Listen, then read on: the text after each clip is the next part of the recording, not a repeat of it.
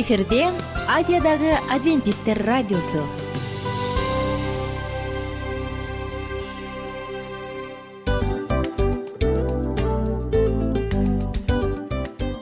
Достор салют. Баардык сүйүктүү угармандарыбызга салам айтабыз. Кутман күнүңүздөр менен. Ден соолук өмүрдүн булагы демекчи саламат саамы программасында баарыңыздарды көргөнүбүзгө абдан кубанычтабыз. Анда алгач амандашып өтөлү арбаңыздар деп. Ден соолугуңуздар кандай элибизде көбүнчө ден соолук кандай дегенде эле жакшы деп жооп беребиз э? ооруп турсак дагы жакшы дейбиз. Анан мен муну айтып ойлойт элем бул абдан сонун сөз депчи анткени бул жакшы деген үмүт да э ооба. баары жакшы болот. Баары сонун. Үмүттөнүп атып эле өзүбүздү өзүбүз дарылап коебуз.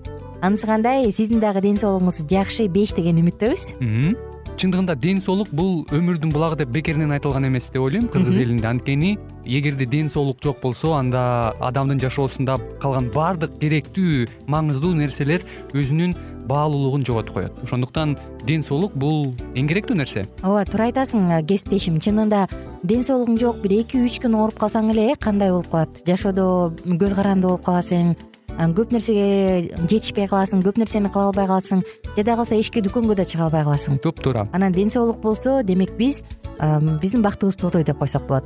Анда достор саламат саамы рубрикабызды баштайлы. Алдыда өзүңүзгө керектүү болгон сонун кеңештерди уга аласыздар. Мына ошондуктан биз менен бирге болуңуздар. Ал эми биз болсо милан жана айнура. Кеттик алга. Алга саламат саама ден соолуктун жарчысы. Саламат саама ден соолуктун ачкычы. Күн сайын сиз үчүн мыкты кеңештер сонун жаңылыктар кызыктуу фактылар. Биздин рубрикада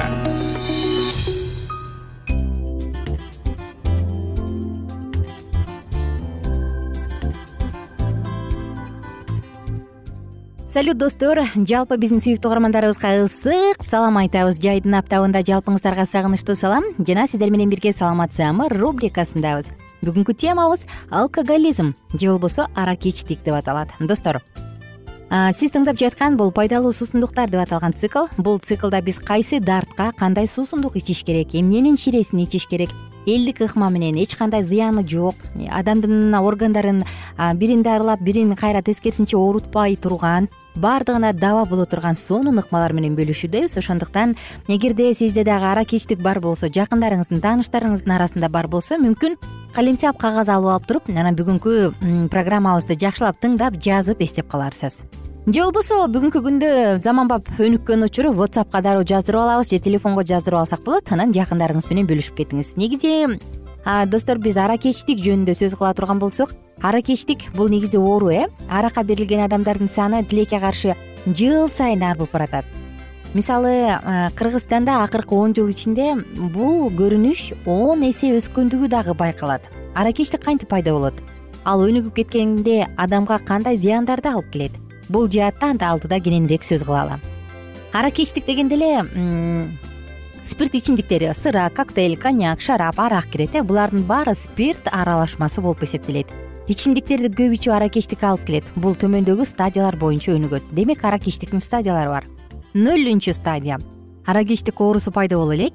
Адам спирт ичимдигин кырдаалга жараша ичип кээде ичкенде эс учун жоготуп коет бул стадияда адам каалаган учурда спирт ичимдигин ичпей кое алат. Таштап салышы керек. Э, биринчи стадияга өнтүп кеткенче. Биринчи стадия. Спирт ичимдигин анда санда ичет бирок ичпей калганда эң сөө пайда болот. Мурду кытышып баштайт деп коюшат го. Анысы кандай? Ичсе канча ичкенин көзөмөлдөй албай калат. Психикасы өзгөрүлөт. Эмоцияга бат алдырып жакындарынын көп ичип баратасың деген эскертүүлөрүн капарына албай калат. Башкача айтканда өзүн сын көз менен карай албайт. Убагында ичкенин токтотуп дарыгерге кайрылбаса анда оорусу экинчи стадияга өтүп кетет. Аракечтиктин экинчи стадиясы. Спирт ичимдигин ичүүнү эң күчөйт. Аз эле өлчөмдөгү ичимдикке мас болуп эмоцияга бат алдырып эмне кылып жатканын билбей калат. Эми үчүнчү стадиясы. Бул стадия алкоголдук психоз стадиясы деп аталат элге баягы белая горячка деген аталыш менен белгилүү э? Белая горячка болуп калыптыр деп коет го. Адам күн сайын ичпесе тура албай калат эс тутуму ойлоо кабыл алуу жөндөмдүүлүгү төмөндөйт. Ичкенде убакытты жана кайсы жерде жүргөнүн аныктай албайт. Жакындарын даанабай да калат. Өзүнүн же жакындарынын өмүрүнө кол салышы дагы мүмкүн.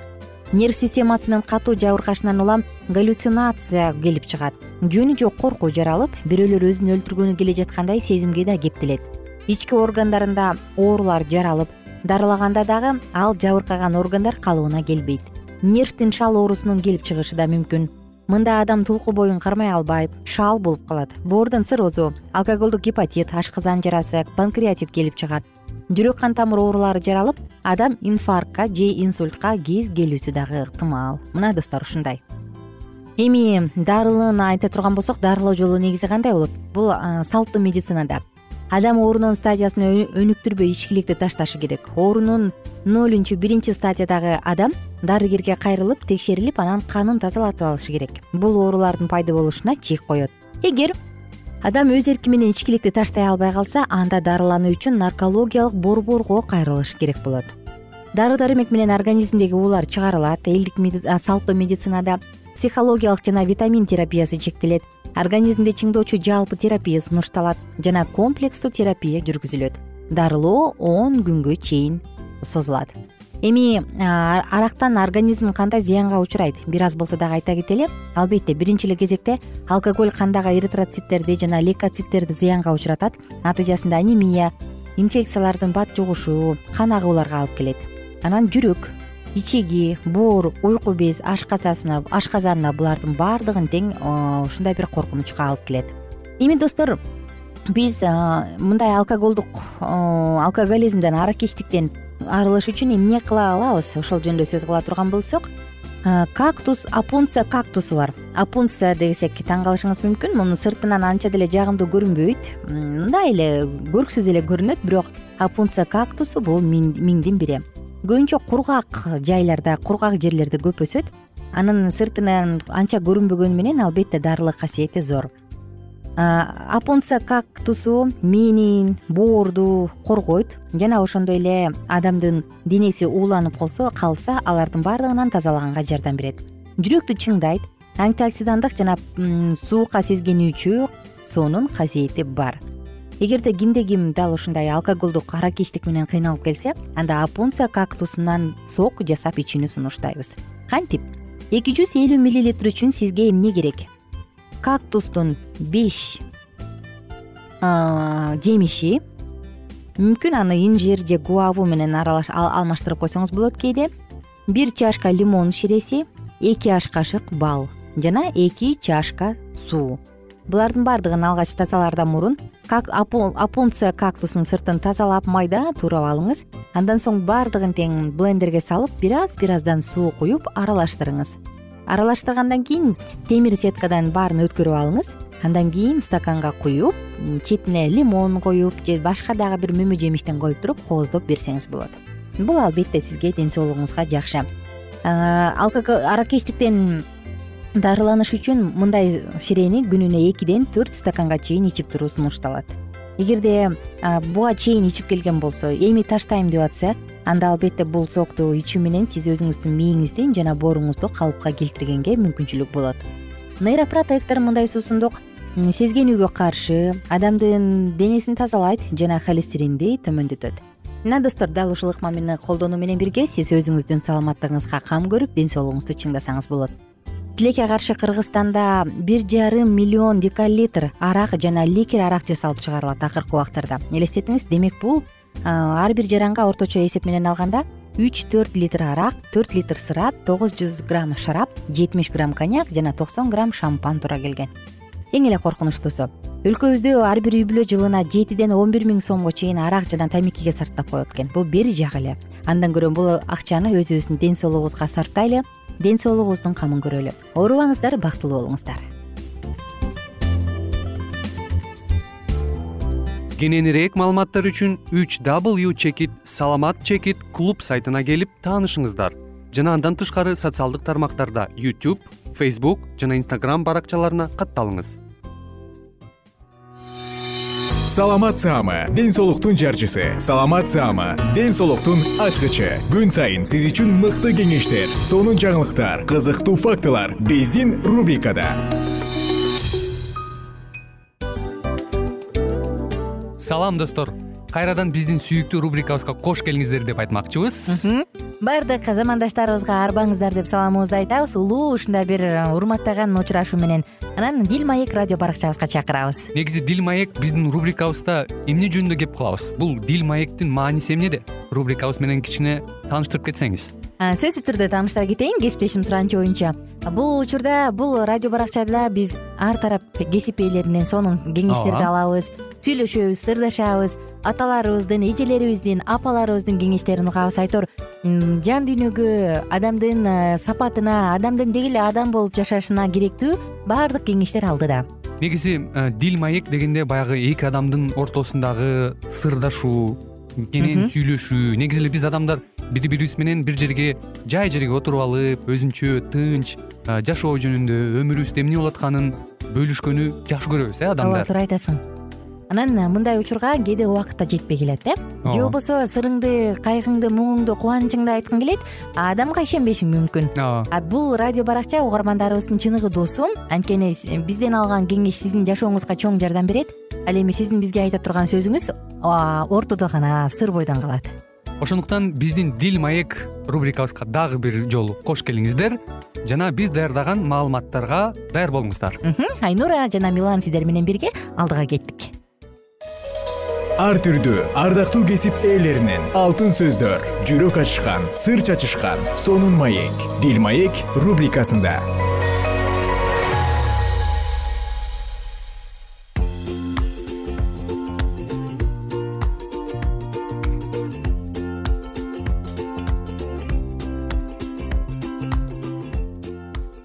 салам достор жалпы сүйүктүү угармандарыбызга замандаштарыбызга деги эле бизди кайсы бир учурда болбосун тыңдап калган угармандарыбызга досторубузга салам айтабыз.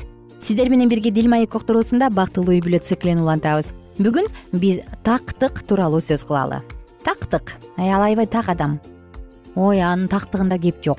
А ал так адам ал антип жебейт деген сыяктуу сөздөрдү уксак керек. Же тескерисинче тилекке каршы. Ай ал так эмес ал. Ал баарын бүдөмүк бойдон калтырат ай кой андан көрө өзүң бар өзүң кыл деген нерселерди уккан болсок анда бүгүнкү тема дал ушул тактык жөнүндө болмокчу. Ишенген адам үчүн тактык бул абдан жакшы саясат. Андан тышкары бирден бир нерсе деп гарри бланчард айткан экен. Ыйык жазууда өмүргө керектүү кеңештерди бербеген мыйзам аракетинин чөйрөсү жашабайт э? Анын негиздери ынталык тактык үнөмдүүлүк токтоолук күнөөсүздүк же ыйык жашоо чыныгы жетишкендиктин сыры болот. Бул негиздер сулаймандын үлгүлүү аңгемелер китебинде берилген. Булар баштан өткөргөн даанышмандыктын казынасын түзөт. Соодагер жумушчу баардык чөйрөдөгү соода башчылары өздөрү жана өздөрүнүн жумушчулары үчүн бул даанышман адамдын ушундай сөздөрүнөн артык кеңештерди көргөзмөлөрдү табышпайт. Эми ыйык жазуудан карай болсок өз ишине шамдагай адамды көрдүң беле. Ал падышанын алдында кызмат кылат ал жөнөкөй адамдардын алдында кызмат кылбайт. Ар кандай иштеген киреше кирет ал эми курулай келжиреген сөздөн зыян гана табылат. Жалкоонун жаны эңсейт бирок курулай. Ал эми тырышчы актыктардын жаны тоюнат дейт. Кул кылган ичкич менен өпкөк жегич жакырланат жана уйкучулдук чалды бар кийгизип өткөрөт дейт. Ишенимдүү адам алкышка бай ал эми баюуга ашыккан адам жазаланбай калбайт эмгексиз табылган байлык машакатсыз түгөнөт. Ал эми мээнет менен жыйнаган адам аны арбытат калп тил менен тапкан байлык өлүмүн издегендер үчүн тез өтмө жел аргы. Карыз болгон киши карыз бергенге кул болот. Ким бөлөк кишиге кепил болсо ал өзүнө жамандык келтирет. Ал эми ким кепилдикти жек көрсө ал коопсуз болот караңыздарчы достор. Кандай гана сонун сөздөр. Ыйык жазууда кайра кайра кайталанган ушул кеңештерге эскертүүлөргө көңүл бура турган болсок канча деген адамдар каражат кырсыктарынан жана кыйроолорунан качып кетүүгө мүмкүндүк алар эле. Сегизинчи осуят уурулукту жана талоончулукту айыптайт. Ал милдеттүү түрдө баардык ишке болгон өмүрдөгү тактыктын талап кылат. Ал ашкана башчыларындагыларын куулануусуна тыюу салат жана карыздарды сыйлыктарды адилеттик менен төлөп берилүүсүн талап кылат. Калп айткан же алдамчылык менен айланышкан адам өзүнө болгон урматтоосун жоготуп коет. Ал адам кудай анын шектүү иштерин жана өзүн көрүп турганын да билбей кылат. Бирок эгерде анын кылган иштери адамдын жана кудайдын көз алдында жашырынып калган күндө дагы өзүнүн муну билгени чындык бул анын оюн жана мүнөзүн бузуп коймок. Бир кылган кылмыш мүнөздү айырмалабайт. Бирок ал тоскоолдукту талкалайт жана мунун артынан азгырык чоң даярдыгы менен кабыл алына баштайт.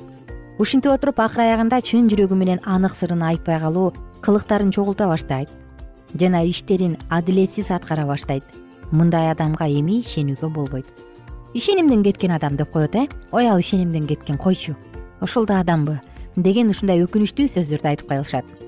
Биз өз жакыныбызга кандай мамиле кылабыз? Кичинекей нерседе түзүк эместикти же көрүнүктүү алдоолорду көргөзөбүзбү? Кудай менен дагы ошондой мамиле жасайбызбы? Алдоо өнөкөтүнө көктүк менен карманган адамдар өздөрүнүн билгендигин көбөйтө беришет.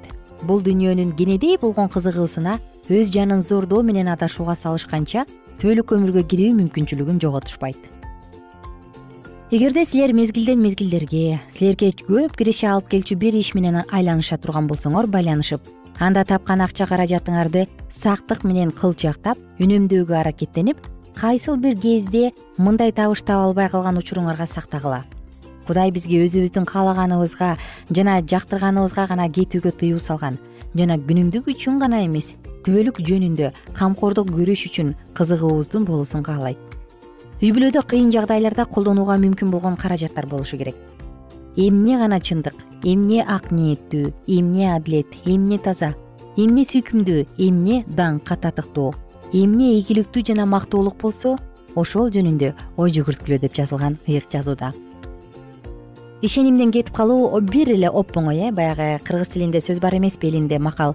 Э, жакшы болуу аста аста жаман болуу бир паста деп. Анысы кандай жылдап тим эле укмуш сөзүңө туруп ишенимдүү болуп ишенимге кирип так болуп жүрүп жүрүп эле анан бир убакта ушул нерседен тайып кетсең баардыгы унутта калат дагы ай койчу ай ии ай койчу ал мени деген ушинтип уят кылбадыбы? деген сөздөрдү айтып калышат. Анысы кандай достор чындыгында ар бирибиз э, бул нерсени башыбыздан өткөрсөк керек же жакындарыбыздан көрсөк керек. Ишенимден кетүү бир паста. Бир эки жолу сөзүңө турбай койдуң үчүнчүсүндө сага эч ким ишенбей калат. Ошондуктан ишенимдүүлүк тактык ар бирибизде болсо экен. Калп тил менен тапкан байлык өлүмүн издегендер үчүн тез өтмөй жел аргы дейт. Карыз болгон киши карыз бергенге кул болот дейт караңыздарчы. Ошондуктан кимдир бирөөнө эркин туруп кул болуп калуудан кимдир бирөөгө эркин туруп байланып калуудан кудай сактасын жана албетте ар бирибиз сактаналы тактык үчүн албетте бул абдан чоң тема негизи тактык деген эмне дегенде. Бул берген убадабызга так туруу айткан сөзүбүздү аткаруу кечикпей келүү башка адамдардын арасында өзүңдүн аброюңду сактоо аброюңду түшүрүп жибербөө мунун баардыгы тең тактыкка кирет эмеспи. Ошондуктан достор так бололу бар бололу аман бололу жана бай бололу бар болуңуздар достор. Биз сиздер менен коштошчу учурга келип калдык. Соңку мүнөттөрүбүз эгерде кимдир бирөөнө жөн эле курулай убада берип бирок аны аткарбай коюп ой эмне болмок эле эми? дей турган болсоңуз анда сиз өзүңүздүн аброюңузду бир нече пайызга төмөндөттүңүз мүмкүн ал байкаларлык деле болбостур бирок сиздин аброй төмөндөдү. Же болбосо эми эчтеке болбойт кийинки жолу да кылып коем да десеңиз анда бунда дагы сиз өзүңүздүн ишенимдүүлүгүңүздү жоготтуңуз. Ошондуктан айткан сөзүбүзгө так болору колубуздан келген гана убаданы берели колубуздан келбегенин убада кылбайлы жана сиздер менен коштошом кийинки уктуруудан амандашканча. Ар түрдүү ардактуу кесип ээлеринен алтын сөздөр жүрөк ачышкан сыр чачышкан сонун маек дил маек рубрикасында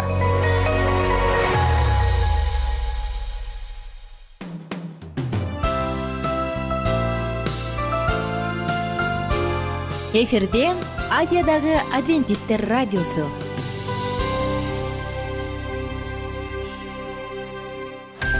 Жан дүйнөңдү байыткан жүрөгүңдү азыктанткан жашооңо маңыз тартуулаган жан азык рубрикасы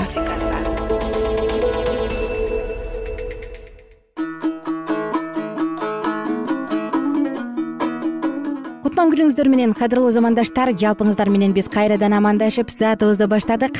Бул жаназык уктуруусу бир аз эске сала кетсек буга чейинки уктурууларда биз жакан жазган жакшы кабарды бирге окуп келе жатканбыз. Инжил китебинде жазылган. Бүгүн болсо дал ушул жакан жазган жакшы кабар китебин андан ары окууну улантабыз. Мына ошондуктан биз менен бирге болуңуздар. Жакан жазган жакшы кабар он биринчи бөлүм жыйырма биринчи аятка келгенбиз андан ары уланталы марта ыйсага теңир сен бул жерде болгондо бир тууганым өлмөк эмес.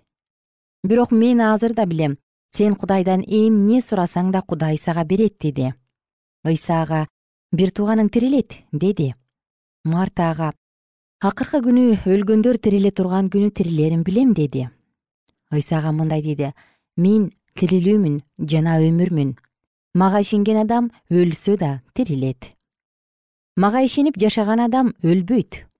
Ошого ишенесиңби? Марта ага ооба теңир дүйнөгө келе турган кудай уулум машаяк сен экениңе ишенем деди. Муну айткандан кийин ал үйүнө барды да сиңдиси мариямды тымызын чакырып алып устат бул жерде ал сени чакырып жатат деди. Муну угаары менен мариям шашылыш тура калып ыйсага жөнөдү ыйса айылга кире элек болчу ал марта менен жолуккан жерде эле мариямга көңүл айтканы келгендер анын үйдөн шашылыш чыгып кеткенин көрүшкөндө бир тууганын жоктоп ыйлаш үчүн мүрзөгө кетти го деп ойлоп артынан кошо жөнөштү. Мариям болсо ыйса турган жерге келди да аны көргөндө бутуна жыгылып теңир сен бул жерде болгондо бир тууганым өлмөк эмес деди.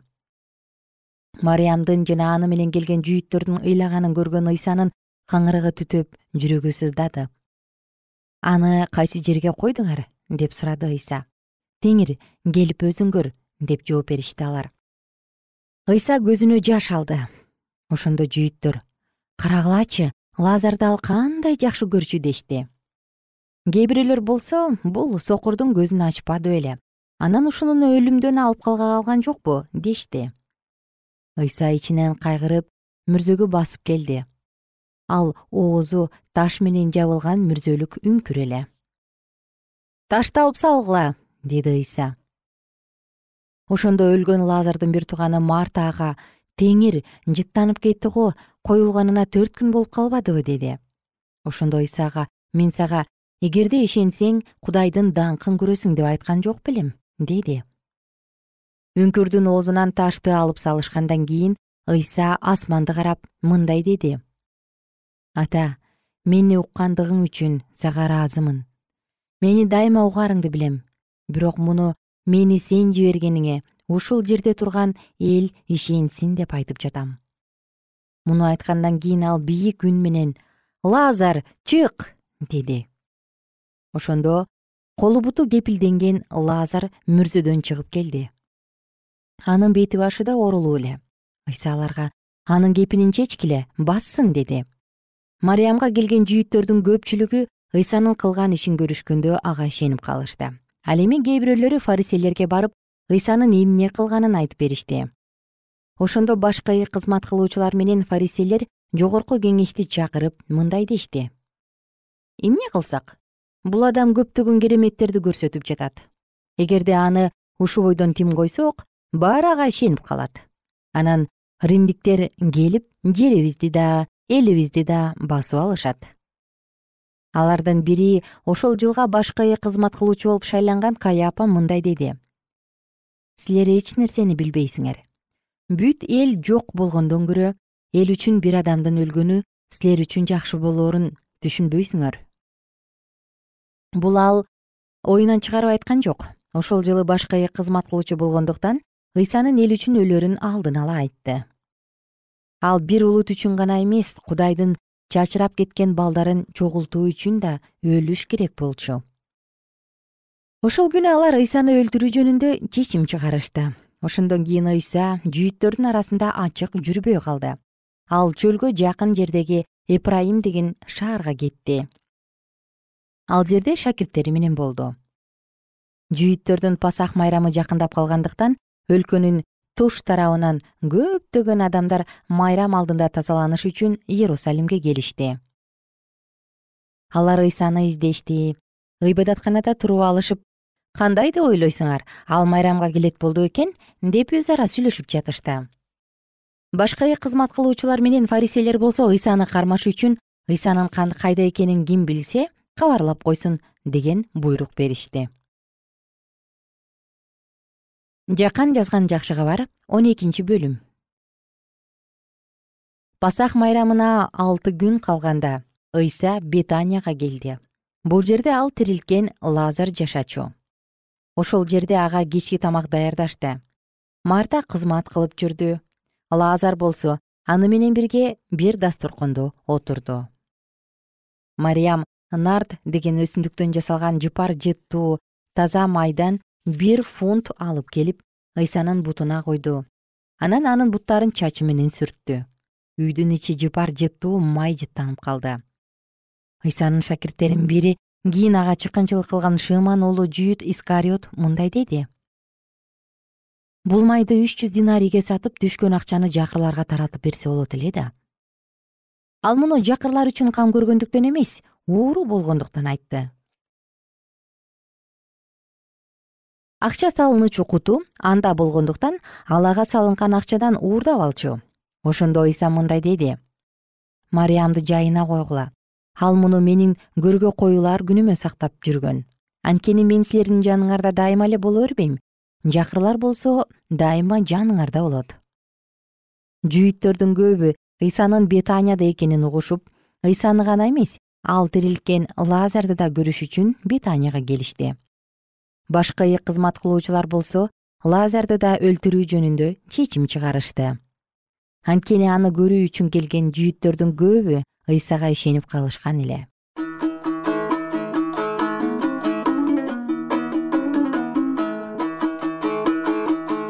Кымбаттуу замандаштар биз окуяны дал ушул сонун кызыктуу жерден токтотобуз дагы кийинки уктурууга чейин деп сиздер менен коштошобуз кийинки уктурууда окуя кандай болгон? Мына бул тууралуу дагы биздин уктуруубуздан уга аласыз. Жалпыңыздарга кааларым жараткандын ырайымы кайрадан амандашканча сак саламатта туруңуздар. Эгер сиздерде суроолор болсо же көбүрөөк маалымат билем десеңиз анда биздин whatsapp номерибизге жазыңыз. Плюс бир үч жүз бир жети жүз алтымыш алтымыш жетимиш. Кайрадан плюс бир үч жүз бир жети жүз алтымыш алтымыш жетимиш.